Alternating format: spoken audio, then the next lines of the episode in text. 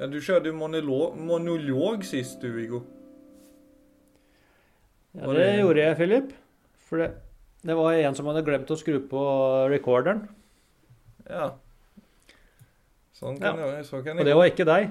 Det var ikke- Heldigvis. Jeg som liksom er den tekniske av oss. Ja, men jag tänkte, jag, var, jag blev lite sånn redd for at du skulle vugga lyssnarna inn på tryckt hav og at min røst ikke lenger behövs. Nei, det er fint med en eh, dialog, Philip. Det Blir noe annet, det. Ja, men skal vi gjøre Men vi hadde jo en episode om skam, Ja, vi hadde det. så den får vi ta i dag isteden. Ja, men da fejdar jeg ut og så kommer jeg inn igen. Jag känner på skam över att vara psykmält och skam över att ha drevet mig så hårt att jag blir utbränt. Jag märker att det kommer upp en skam runt behovet för att bli sett. Det att bli sett som hela mig och icke bara glassidan av mig. Jag har en idé om att det att visa sårbarhet är detsamma som svaghet. Jag føler mye skam over ikke å mestre livet slik jeg føler andre gjør. Skammen for ikke klare av å jobbe 100% av ulike årsaker, ikke lage den riktige maten, se riktig ut, mye skam knyttet til fasade. Jeg bare lever uten mål og mening. Jeg skammer meg over å bli syk, havne utenfor arbeidslivet. I sosiale setninger, folk presenteres med yrkestitler. Hva sier man da? Hvem er man? Dette var et utdrag fra lyssnarna rundt skam. Mye Ja, det er mye Vi er ikke ensomme med vår skam. Det kanskje er nummer én. Nei, det er vi ikke. Det er uh,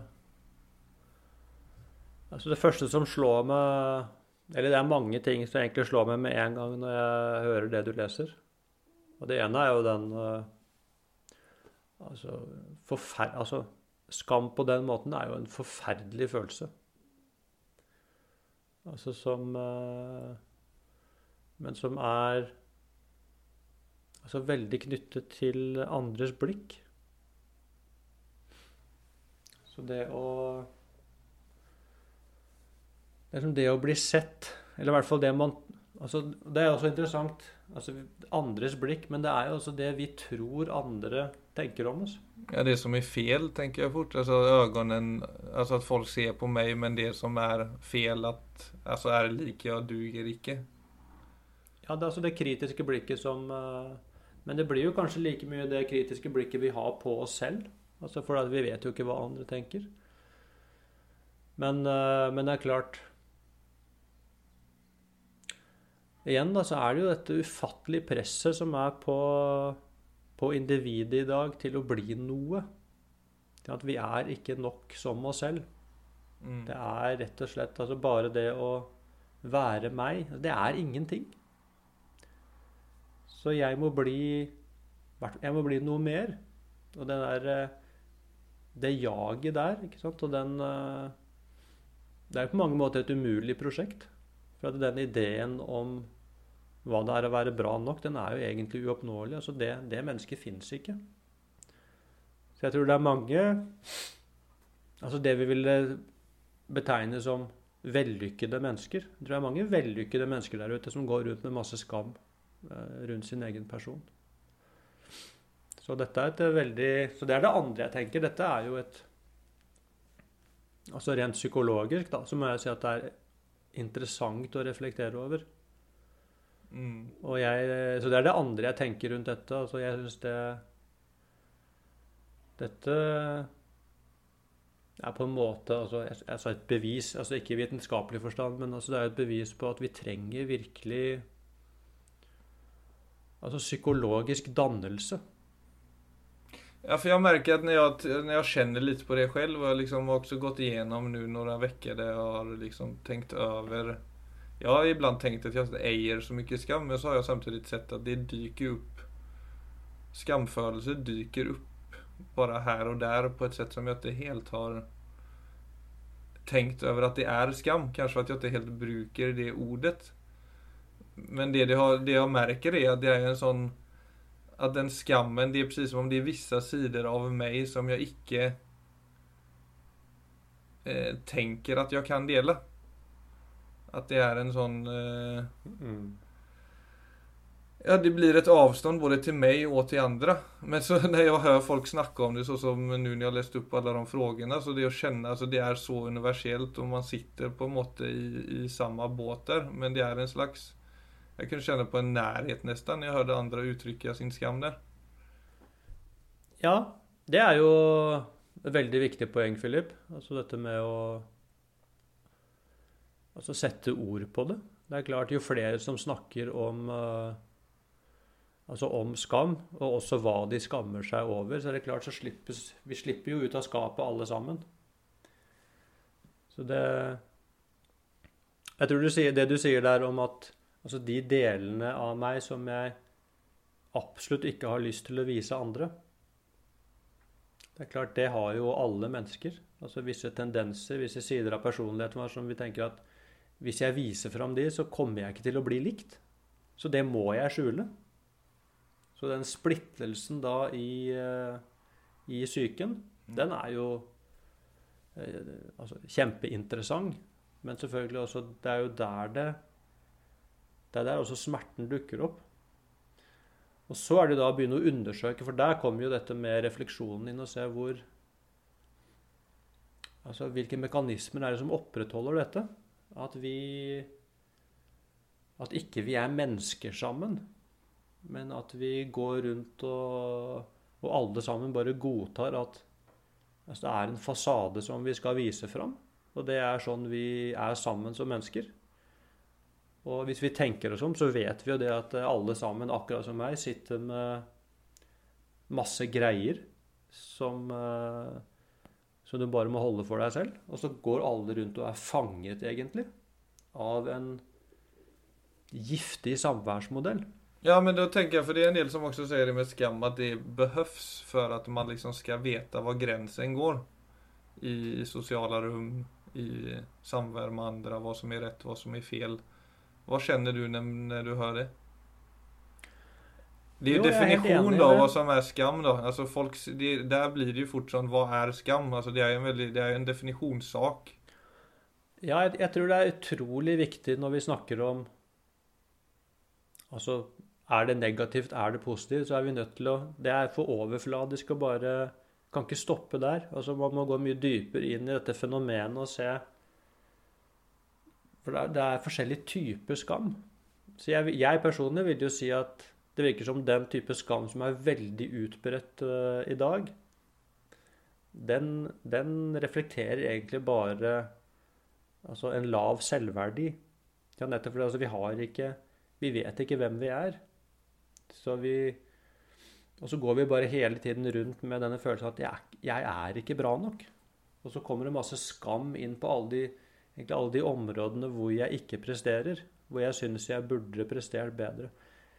Den type skam vil jeg jo si er 100% negativ. Mm. Den har ikke noe bra med seg. Den er rett og slett bare Mm.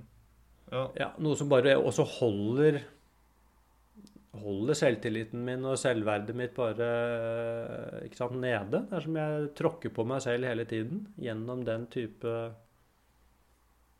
eh, Ja, egentlig tankegang.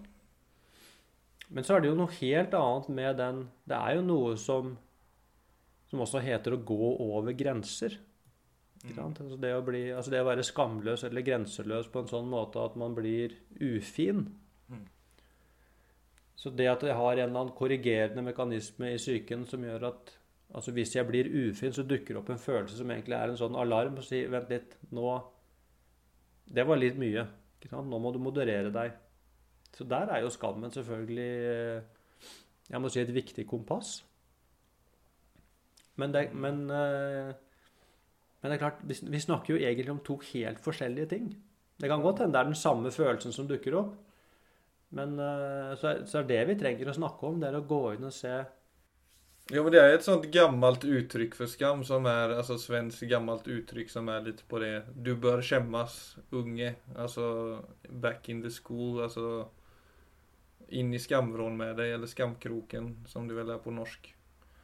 Det Ja. kanskje ikke er så konstruktivt for dagens foreldre, men at det er Alltså det de syftar til, tenker jeg, er at det rekker ikke at du forstår at du har gjort fel men at du, att du också ska straffas för det. Att det är, det är så fort att vi människor straffar varandra istället för att eh, se på handling eller, eller problemet. Att, att det blir fort en sån eh, Jag tror det, det, blir så destruktivt att det, att, det, att det är så illa att man ska skämmas för det man gör. Alltså, då är det klart att man också väljer att bära det i tystnad. Att det, blir, att det växer ja. som en stor skamklump inne i oss. Och det är ja. där jag tänker den skammen blir så utvecklingshämmande. För ju mer vi skammar oss, ju större avstånd får vi ju till världen. Och, och för så vidt eh, til oss själva också. Ja, altså her eh, snakker du egentlig om eh, i hvert fall et par ting som er eh, viktig å snakke om. Altså det ene er jo dette med å kunne skille, en, eh, skille sak og person. Sånn at hvis noen mennesker faktisk går over streken, så går det an å snakke om det uten at man påfører den personen skam. Altså gjennom da det er klart, skam er jo et veldig kraftig sosialiseringsverktøy. Så det er jo Det er jo Nettopp fordi det er så kraftig, så er det også lett å kontrollere andre ved hjelp av den type altså språkbruk. da, Når du får vekket den følelsen. For med en gang du får vekket skammen, så får du kontroll på den personen. Så det er litt sånn billig triks for å få folk til å gjøre som du vil.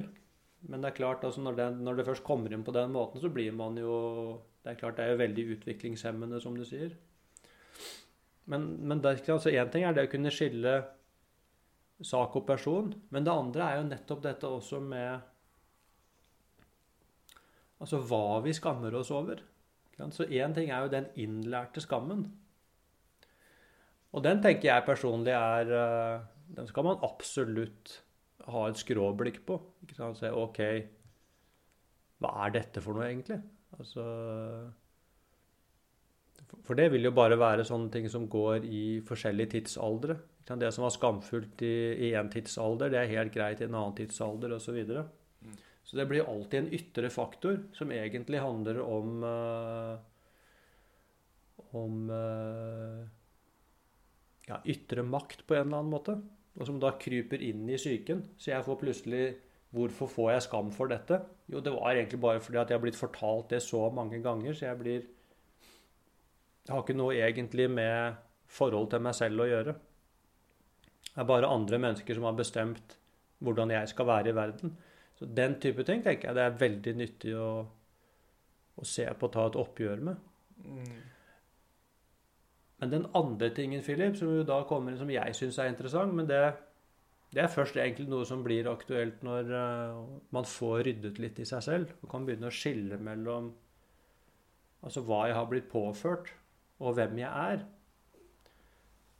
For at, det, for at hvis, jeg, hvis jeg går på akkord med mine egne verdier for det er sånn når du begynner å kikke der, så vil du se det er, det er jo faktisk ting som er viktig for meg. Det er visse ting som, som jeg kjenner bare mellom meg og meg at jeg ikke skal gjøre. Hvis jeg gjør det, så kjenner jeg at nei, det er ikke riktig, rett og slett. Der vil jeg si at skammen kommer inn som en uh, god veileder. Men da er det ikke de andres blikk. Jeg skammer meg ikke fordi noen kan se at jeg gjør sånn og sånn. Skammen er da mer at dette er ikke meg. Så da blir det et slags indre alarmsystem som hjelper meg til å navigere ja, riktig. Men da er det bare mellom meg og meg. Så det blir jo da noe helt annet enn et ytre maktforhold, og noe helt annet enn det foreldre og andre autoriteter da, har hatt som en mal for hvordan man skal være. Så snakker vi mer om det Og den er der alltid, mener du? Eller den, den er alltid mulig å For jeg tenker jo Altså återigen tilbake til skolen.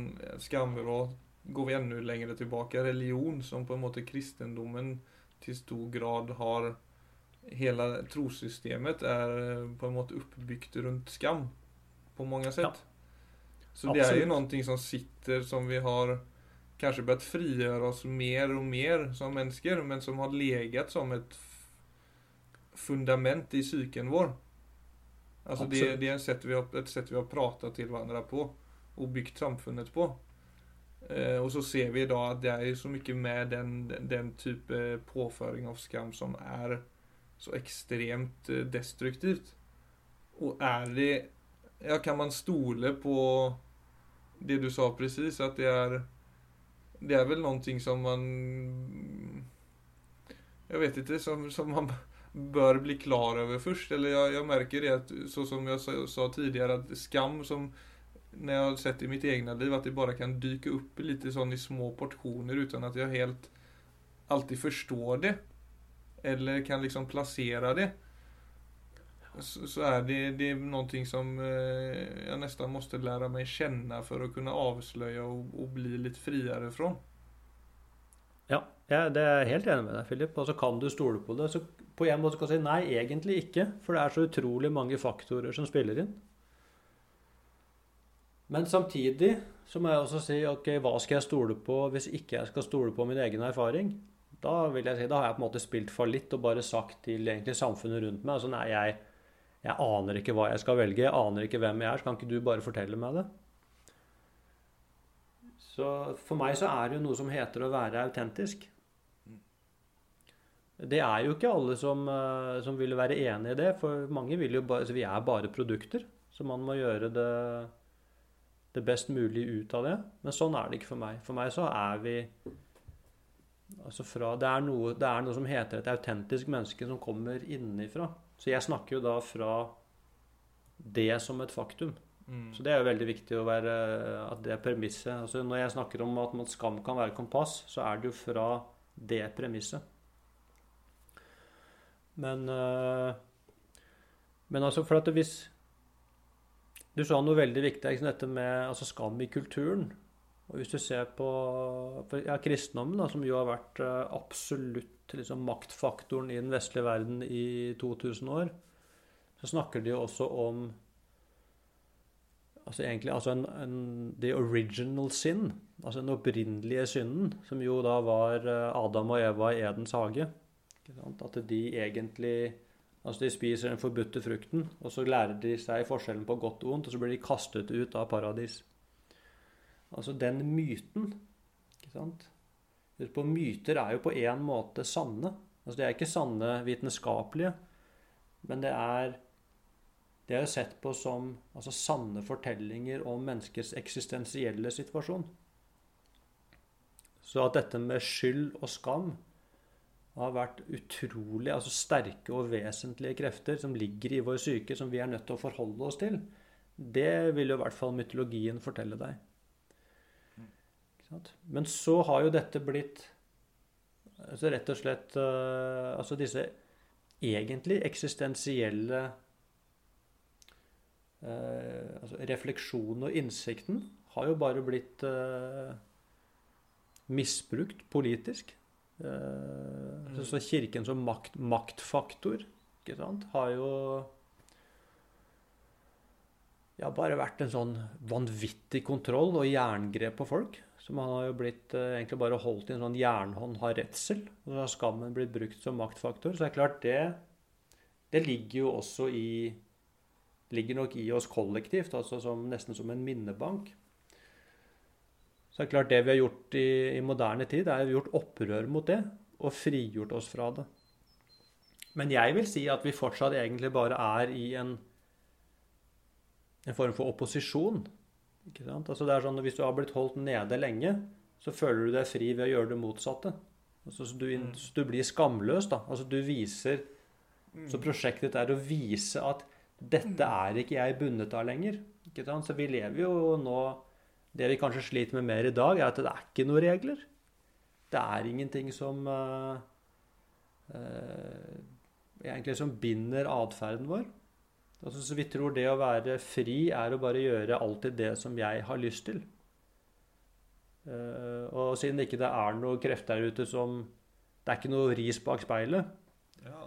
Så kan jeg bare fortsette sånn. Ja. Men det er der jeg mener at det neste skrittet må begynne å, å Altså en refleksjon rundt Ok, men hva gjør det med meg? Altså er det er det det som er det gode liv? Greit, ja, da har jeg måtte, Nå har jeg vunnet over den ytre kampen, men hva med den indre kampen? Så jeg vil si når det, når det kan bli stille, så si ok, er det noe mer å bevise nå egentlig rundt skam? Nei, det er ikke det. Altså nå, nå har vi liksom tatt det så langt at vi har eh, ekte porno på TV og kaller det liksom, det er kalt underholdning. Folk har sex med hverandre på TV og sier 'wow, nå har vi blitt fri'. Ja, ok. Hva blir det neste, liksom? Så, så klart, det er jo falsk, falsk frihet. Det blir bare sånn Man tar det så langt at det bare blir latterlig. Så det neste skrittet tenker jeg, hvor det kan bli ordentlig, det er jo at man begynner å gå inn i seg selv og se hva er, hvilke mekanismer er det egentlig som utfolder seg i meg. Altså hva er konsekvensen av at jeg gjør sånn? Hva er konsekvensen av at jeg gjør sånn? For meg. Og da tenker ikke jeg på det som noe som er egoistisk. jeg tenker Da går man inn i noe som er det som er autentisk. Så, og der vil jeg påstå at uh, skam er jo en av følelsene som ligger i den psykiske strukturen vår. Så det er klart at det er noe vi må mm.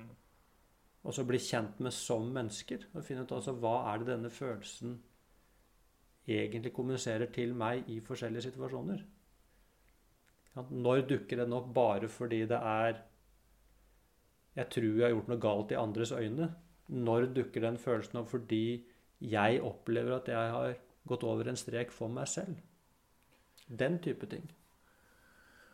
Ja, og så er det jo mange som altså, Det var jo tydligt med, fra våre lyssnare at det var mange utanförskap rundt grund av sjukanmeldelse eller utbrändhet för exempel. der du føler at du ikke er til nytta for samfunnet. Ja. Og da tenkte jeg ju, alltså jag har jo også, alltså, ikke nå, men for en stund sen så har jeg også av olika grunder liksom vært utanför både karriere og, og jobb og den type ting. Men så har jeg på en måte hatt med meg, jeg vet ikke om det har vært innlært av uh, genetikk eller miljø eller av uh, bevisst eller ubevisst, men det å ja, försöka se om det er noe positivt å hente, trots at det utifrån sett er känns som en negativ situasjon. Altså Et eksempel var at når jeg var 20 år og alle mine vänner var ute og festet og drakk, og jeg ikke tålte å drikke alkohol längre. Så satt jag hemma alene på kvällarna och studerade foto egentligen 3-4 timmar varje kväll. Og noen år senere så ble jeg jo fotograf, som jeg vil tro var et resultat av det. Og det var en periode jeg mådde også ganske dårlig. Eh, men eh, jeg klarte av på en måte å se etter konstruktive muligheter og fant og det interesset i foto. Og i perioden jeg, ja, når man generelt sett ikke har det tøft, eller når man ikke har liksom deltatt på lik linje med andre, så har det jo har det ju gett mig ett bredare syn på livet. Alltså jag har kunnat eh, ha förståelse och empati för folk som hamnar utanför. Alltså ja. av, av, olika grunder och kunna vara till en hjälp i deras favör. Alltså finna en, en måte hur kan jag bruka mitt inom situationstegn nya jag i, i, i, en, eh, i, i samfundets tjänst liksom. Trots at det ikke ja. nødvendigvis ramar inn hva samfunnet i utgangspunkt krever eller ønsker av meg, så kan jeg hitta et syfte og en mening i det. Så det er jo, Du har jo vært inne på det tidligere også. alltså Er det bare et negativt utsagn av en situasjon? Eller er det ja. så at om vi liksom går litt inn for det og ser litt bredere på ting, så har vi kanskje lært noe som vi ikke visste for to år siden innan, innan den situasjonen inntraff? Ja, Altså, der gjør jo du det som uh, Altså, det er veldig vanskelig, som, uh, men som selvfølgelig ligger i vår mulighet, og som uh, jeg alltid liker å peke på. Altså dette med å kunne Altså finne nye perspektiver i en vanskelig situasjon. Så du, så du klarer jo faktisk å bruke dette utenforskapet da til ja, til å bli bedre kjent til å bli bedre kjent med deg selv og til også stake ut en ny karrierevei. Så det er klart, det er jo fantastisk godt gjort, og er egentlig et veldig fint tema å undersøke dypere. For det er veldig mange som kan altså i en sånn type situasjon kan høre en sånn historie og bli inspirert og se wow, hvis Philip kunne gjøre det, kanskje jeg kan gjøre det. Så man begynner å lete et annet sted enn i bare sin egen misere. Eh, men jeg må også si, når vi snakker om utenforskap, som jo er eh, et kjempeproblem i dag altså, Vi har aldri vært så mange mennesker på denne planeten, og vi har aldri hatt så mye ensomhet. Så, så her er det jo også Jeg må jo si et altså Det er jo et kollektivt problem. Og dette er jo ikke noe som burde bli Altså unge mennesker burde ikke bli pålagt liksom å bære det ansvaret helt alene. For dette er også et sosialt ansvar. Så her kommer vi jo virkelig inn på sånn uh, Nei, Senest jeg tok del av i USA nå, det var at 75% av befolkningen av unge voksne og voksne opplever en, en, stor, eller en større grad av ensamhet. Ja. Og da burde vi se på altså, hvordan er det vi lever? Altså Hvordan er det vi organiserer livene våre? Hvilke, altså, hvilket verdisett er det også samfunnet legger fram som, uh, som ønsket? Det er noe med dette, dette individet som mestrer alt. Men, altså, men hva med det kollektive? Eh, så jeg tenker her snakker vi om uh, Dette burde være en politisk diskusjon. Altså Når vi snakker om helse, så burde jo også dette komme inn under Og det regner jeg med at det egentlig også er. men altså sånn er, Vi må se på utdanningssystemet vårt. Altså hva er det vi Hva er det vi blir opplært til å være? Altså fordi at Hvis plutselig majoriteten av mennesker faller utenom, så er det jo klart at vi må jo se på hele samfunnsstrukturen på nye måter. Ja, men der tenker jeg skammen kommer inn som, en, som den boven den på en måte er. For det er jo sånn Skammer jeg meg, så er det en følelse av at det ikke er utrymme for meg. Og det er jo ensomhet, liksom, per definisjon. Ja, absolutt. Altså, jeg, Og hvis det er fordi Altså, hvis det er fordi jeg har Altså av de verdiene jeg har fått gjennom livet, så har jeg bare altså strukket meg for langt i alle retninger. Jeg har prøvd å gjøre det som er riktig. Prøvd å gjøre alt rett, og så blir det altfor mye, og så blir jeg utbrent. Og så skal jeg da i tillegg skamme meg for det. Da snakker vi om noe som er helt altså Bare helt forferdelig. Det Så der har ikke Men altså, kan, hvis du ser på det, så er problemet her skam. Så vi sier nei, altså her er jo skam bare siste spikeren i kista. Det virkelige problemet her ligger jo i eh, Altså malen for et godt liv som eh, Altså som man blir gitt, rett og slett. Altså. I det moderne samfunnet. Ja, och så kan det jo være at vi overdriver samfunnets blikk mot oss til tider då såklart. Eller altså, jeg kan, ja, jeg, jag, nå... jag kan si at når jeg fikk barn, som jeg nämnde för jag fick, når jeg fikk sömnproblem av en del sammensatte orsaker. som er en, et tema som jeg alltså som første gang som jeg, nog har, som jag har skjemts over, over liksom tid. Det har ikke vært någon sån, en sånn skamfull følelse som har kommet eller gått, men noe som jeg som jeg skjemtes over ganske hardt. For det var jo Jeg har liksom alltid klarat av å håndtere min ångest. Og trots at jeg mådde veldig dårlig i perioder, så stod jeg der og ja, hadde en sånn bild av meg selv at jeg var som en kriger til smerten blåste bort, mer eller mindre. Men da den søvnen kom og slo inn som det problemet som det ble for meg når vi fikk barn, så fikset jeg det rett og slett ikke. Og ta det helt på egen hånd, som jeg alltid tidligere hadde gjort. Og trengte da i en periode å ta søvnmedisin.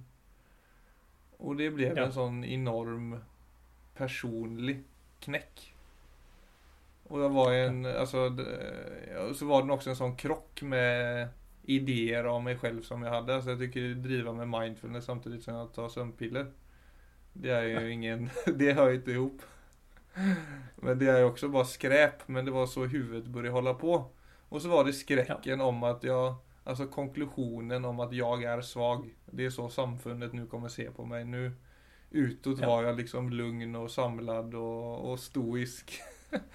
Ja. Och så eh, den fasaden går bara 100% mot upplösning. Och egentligen så är det bara en svag person som inte klarar av att hantera livet. Det er jo perfekte, er perfekte narrativet. Akkurat det du forteller der. Det er, tror jeg akkurat sånn det er i mange forskjellige forkledninger. For det er jo ikke tilfeldig at det, det er klart det narrativet er Det er jo i oss av en grunn. Ikke sant? Det er ikke uten grunn at man plutselig da kjenner at oi, der forsvant verdigheten min. Nå er jeg svak. Det er jo fordi at de, de narrativene i høyeste grad er operative i samfunnet. Mm. Så det, det må jeg synes det, er, det, det kanskje er den grunnleggende tingen vi må se på. Så er det sånn vi Er det, liksom, er det rammen vi skal leve innunder? Altså hvilke, eventuelt, og hvem er det som er interessert i det?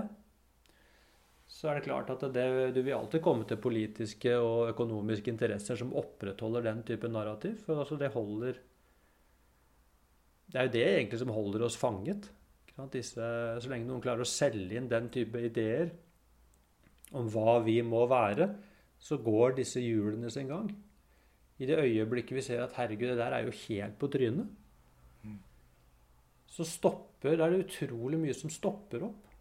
For da ville vi begynt å leve på, på andre måter. Så, vi, så det er jo ikke sant? Altså vi, Tidligere så ble vi jo, var det jo det kristne narrativet som holdt oss. Så alle, Hvis du skulle leve på bekostning av det narrativet, det var nesten umulig. Mens du vet, i dag så er det jo I dag er det et annet narrativ som holder oss. Det holder oss egentlig like sterkt, og vi er like kontrollert av det.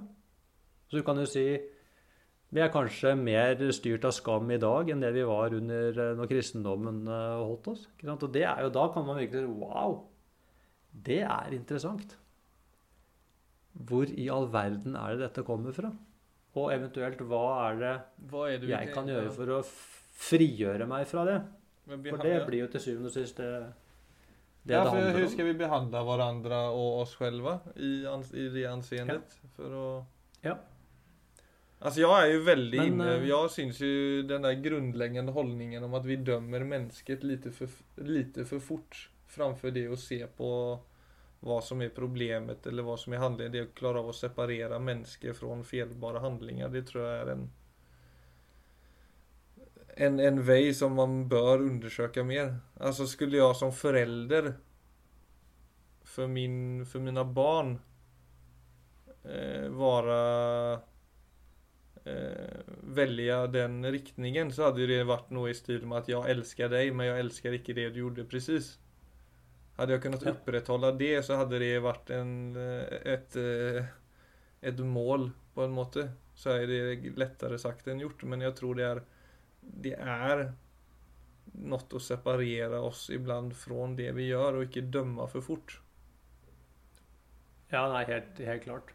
Altså man kan stenge døren ja. til feilbare handlinger, men vi skal liksom i utgangspunktet ikke stenge døren til varandra. Jag är ganska övertygad om att det är där skamkänslorna i det gapet kommer de in. Ja da, det er jo dette grunnleggende sett med at hvis jeg Altså hvis noen ser meg akkurat som jeg er, hvis noen ser hele meg, da blir jeg ikke elsket. Altså da blir jeg ikke Da, da blir jeg rett og slett skjøvet ut av fellesskapet. Altså ut av varmen. Det tror jeg er grunnstrukturen i det. Og så lenge det får lov til å foregå ubevisst, da, Ja, så bare de ideene tenker jeg at är foto- om jeg ikke er fotograf så er jeg ingen. Altså det er, är ikke inte författare så er jeg ingen. Altså Ja. Men man kommer ikke utenom, Philip, altså i det temaet her, da, som de fleste andre temaene vi snakker om, så er det jo en eh, Til syvende og sist en bevisstgjøringsprosess. Ikke sant? Altså du, du vil bli styrt av disse tingene. Med mindre du har selvinnsikt nok til at du kan heve deg over det. Så det handler jo til syvende og sist også om om at du har tilstedeværelse nok til at du kan skille altså din egen verdi fra prestasjonen din. At du kan begynne å skille mellom Altså bare ytre, altså ytre kontrollstrukturer og hva de gjør med følelseslivet ditt. Og samtidig se at øh, Oi, det der er bare ytre mekanismer. Det skal ikke styre livet mitt. Så én ting er liksom dette Altså hvordan vi organiserer samfunn og den type ting, som er superviktig. Mens det andre er jo at så lenge dette pågår, så er det noe med å se OK Hvis, hvis det skal skje noe her Hvis det skal skje noe annet her, så må jeg gjøre det. Så det er jo også det Ja, i hvert fall som noen kunne peke på det som en mulighet. Altså det å kunne tre Du vet, det å eksistere, det betyr egentlig å tre frem. Så du trer frem som deg selv. Da kommer du inn i eksistens. Og det, å kunne, og det er jo et det er jo et vågestykke. Altså det krever enormt mot å si, tre frem og si 'Dette er meg'. Altså take it or leave it. Men dette er meg. Altså det er klart, det å våge det, at da vil du Det å eksistere, det å tre frem, det vil provosere reaksjoner. Så det er først da du egentlig vil vite Altså, jeg, nå kommer jeg som meg selv. Det er først da jeg vil vite hvem er det egentlig som elsker meg. Så kanskje noen vil forlate meg. Noen vil dømme meg. Men det er alltid noen som vil stå igjen der og si 'wow'. Du har ikke levd om du ikke har noen fiender. Nei, altså Nei, det, altså, det det, er var, det var et gi direkte sitat av Mar Margaret Thatcher. Tror jeg vel det var som sa det. Men det, det ligger Jo, men någonting i det, du sier med provosere. Altså det å være seg selv. Det det er ingen som har sagt at man skal være bestevenner vänner med alle. Eller det er ingen, sagt at, det er ingen Det som har sagt at livskvalitet kommer av å please alle eller få bekreftelse av alla. Det som er Ja, av livskvalitet å hente. ja. Og det som er å hente, det er jo faktisk det å tre fram som du sier. Trots at det kan provosere og skake i visse, skake i visse Ja. vegger. Ja, det vil alltid gjøre det. Ikke? Men da Men det, det som Men er fantastisk med det, det er at Så det, det, det er ikke samme Nei, for det det handler ikke ikke sant, skamfull eller skamløs. At på en måte det er noe med sånn det handler, Jeg vil si det handler egentlig ikke om det. Altså Mens det å våge å være seg selv For at det er klart, i det øyeblikket jeg er meg selv, Mm. og du fortsatt sier 'Faen, jeg liker deg, Viggo', så vet jo jeg også det. Det er først da jeg vet at vi er venner. Mm. Mens det vennskapet som er sånn at hvis jeg viser hvem jeg egentlig er, altså hvis jeg forteller hva jeg virkelig tenker og føler rundt det, så vet jeg at den personen vil si da, da vil ikke jeg være venn med deg. Så blir det syvende og sist ønsker jeg å beholde det vennskapet. Altså, for den personen er jo ikke venn med meg, han er venn med den fasaden som jeg, som jeg viser fram. Mm. Og det er klart da så det, det, Og det grunnleggende problemet med det er jo at jeg mangler selvrespekt. Det er det som er det egentlige problemet. Jeg har ikke nok respekt for meg selv til å tre frem som meg. Og jeg tror det er egentlig der skamfølelsen ligger begravet. Og der tenker jeg skammen har noe viktig å si. Mm. Den sier egentlig 'Viggo, reis deg opp'.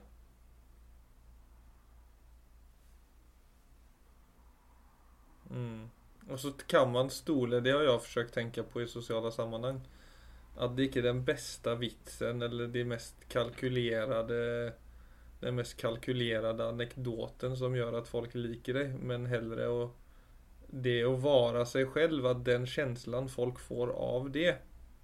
Framför det och liksom få the best joke som inte nödvändigtvis är helt dig men kanske också ett visst element av att du, man söker bekräftelse. I in the bottom end så är, är det någonting som kommuniceras i det tysta också och det är ärlighet. Och det är det som känns bra. Så drit i det att vara morsommast och drit i det att dra de fetaste historierna. Det är det som gör att folk liksom genuint blir liksom glada i varandra. Det är att vi klarar av att vara, vara, vara oss själva. Så hvis det hele tiden er en konkurranse om å være morsomst eller uh, klokest eller uh, Så blir alle utrygge. Ikke Da, For Ja, er det er ikke klart at det er ikke rart at, folk, at egentid har blitt et eget fenomen når folk ikke klarer å være naturlige med hverandre. Nei. Men det er klart det, Philip. Hvorfor er det så deilig å være sammen med noen som bare er seg selv? Jo, det gir rom for at jeg også bare kan være meg. Det er derfor det er så deilig. Så da faller kan bare alle sånn puste ut og sånn ah, Dette var et godt rom å være i. Hvorfor det? Jo, for i dette rommet er det ikke Vi driver ikke og sammenligner og måler hverandre. Mm. Så det er jo Så det å være seg selv, altså da slipper du Det er ikke bare det at du slipper deg selv fri, men du slipper jo også andre fri til å være seg. Mm. Så det er jo en På en måte en veldig enkel ting.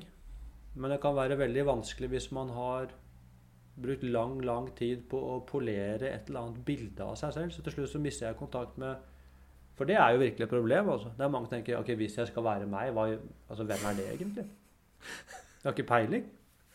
Men da får man begynne, får man begynne der, da. Ja. Det er jo en helt fair fair der sak. har man vært. Ja, det er helt, helt greit. How to find yourself. Ja. In the mess of all the characters. ja. Men det er något där, det är så att du blir borta. Det finns ett, Nej, det det finns ett sätt blir- att vara på som känns bra. Ja, For alle- for alle. Ja, ja. Det er noe med å bare si at det selvfølgelig Altså sånn eh, Til syvende sist blir det sånn Det er klart jeg vet forskjellen på riktig og galt. Mm. Det er noe med sånn Selvfølgelig vet jeg det. Det kompasset har jeg. Ja. Altså Selvfølgelig vet jeg forskjellen på når jeg er autentisk, og når jeg bare er en posør. Det er klart jeg vet det. Altså Ikke fraskriv deg det. Det er noe med å ta det inn som en selvfølge. Selvfølgelig vet jeg det. Og så kommer det vanskelige. Det er å begynne å leve det. Så får man heller gi seg selv eh, masse tid. Og masse selvkjærlighet. Men så finner man seg Det er som et puslespill. Altså det er en brikke av gangen.